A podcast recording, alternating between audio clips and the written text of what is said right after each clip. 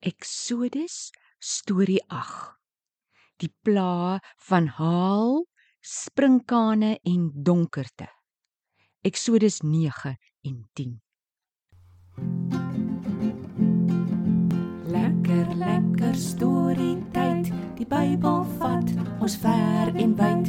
'n Stories van die ou ou tyd God se liefde vanaf daardie tyd.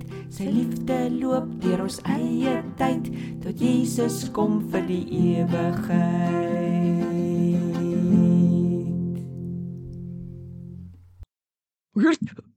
Sjoe. Kyk hoe laat die strinkaan my nou skrik. Hallo Tobias. Jy wip amper net so hoog soos daai sprinkaan. Hallo mots. Hoor net hoe lag tot die koren vergaai. Maats, maar dit was baie snaaks. Dit laat my nou dink. Ek kan julle vertel van die sprinkane in Egipte. Is dit nog van die klaar dat die Here gestuur het? Ja. Kom ons vertel vandag van nog 3 plaae. Na die 6ste plaag wou die koning steeds nie die Israeliete laat trek om die Here in die woestyn te gaan dien nie. Die Here praat toe met Moses. Staan môreoggend vroeg op en gaan sê vir die Farao: Die Here, die God van die Israeliete, sê vir jou dat jy hulle moet laat trek. Anders stuur ek nog 'n ramp oor julle. Dan sal julle besef dat daar niemand op die aarde is soos ek nie.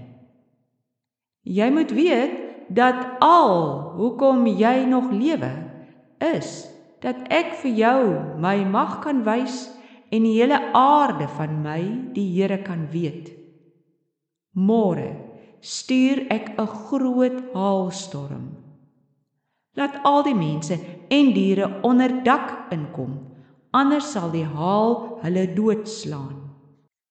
En gebeur dit toe so? Ja, Tobias. Sommige van die amptenare van die koning het bang geword en het hulle slawe en diere onder dak gebring. Ander het hulle glad nie daaraan gesteur nie.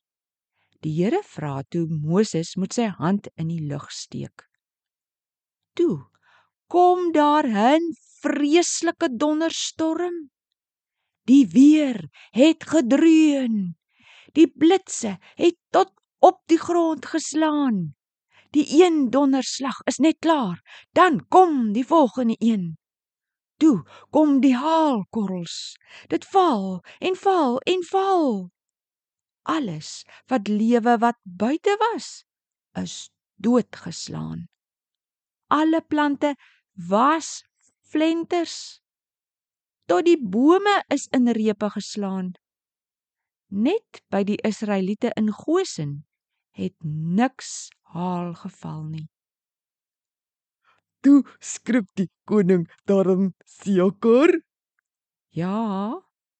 Hy laat roep toe vir Moses en Aaron. Bid tog tot die Here dat die donderstorm moet stop. Dis net erg vir ons. Ja, ek is verkeerd en die Here is reg. Die Israeliete kan maar gaan.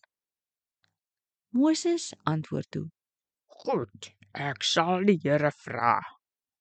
Maar besef u en u amptenare regtig wie die Here is? Daddy, maar is al die graan en kos nie toe ook weggeslaan deur die haal nie? Die vlas en gars is alles stukkend geslaan, maar nie die koring en sorghum nie. Dit sou eers later ryp word. Ek is bly. En toe kan die saak gaan. Tobias, toe die donderstorm ophou, was die farao steeds hardkoppig en wou nie die volk laat gaan nie. Die Here sê toe vir Moses: Moses, ek gaan nog dinge hier in Egipte doen wat julle vir julle kinders en kleinkinders sal kan vertel. Hulle sal besef ek is die Here. Gaan vra vir die Farao, hoe lank gaan hy nog weier om na my te luister? As hy nie gou my volk laat gaan nie, gaan ek sprinkane oor sy land stuur. Moses hulle loop toe weg. Die farao se amptenare het met hom gepraat. O koning, hoe lank gaan die man ons nog moeilikheid gee? Laat al die mans toe gaan om die God van hulle te gaan aanbid. Hulle roep toe vir Moses en Aaron terug en die koning sê dat al die mans mag maar gaan.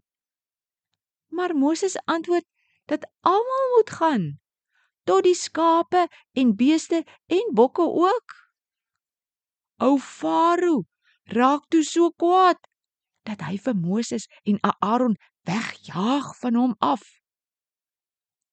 Kort daarna steek Moses toe sy hande uit oor Egipte. Die Here stuur daar 'n woeste oostewind wat 'n klomp sprinkane bring. Julle moes dit sien. Nie een of twee wat opspring en mens laat skrik nie. Nee. Dit was skoon donker, so groot was die vleiende swerms. Toe hulle kom sit, sit hulle alles toe. Tot binne in die huise en paleis. En hulle vreet. Hulle vreet die laaste groen sprietjie op wat oorgebly het na die haal. Toe, laat roep die koning vir Moses hulle. Vergeef my tog. Ek het verkeerd gedoen.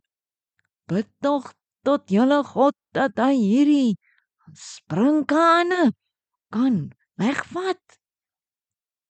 Moses bid toe en God stuur 'n wilde weste wind wat die sprinkane almal in die Rietsee inwaai. Maar die farao wou steeds nie die volk laat trek nie. So dor.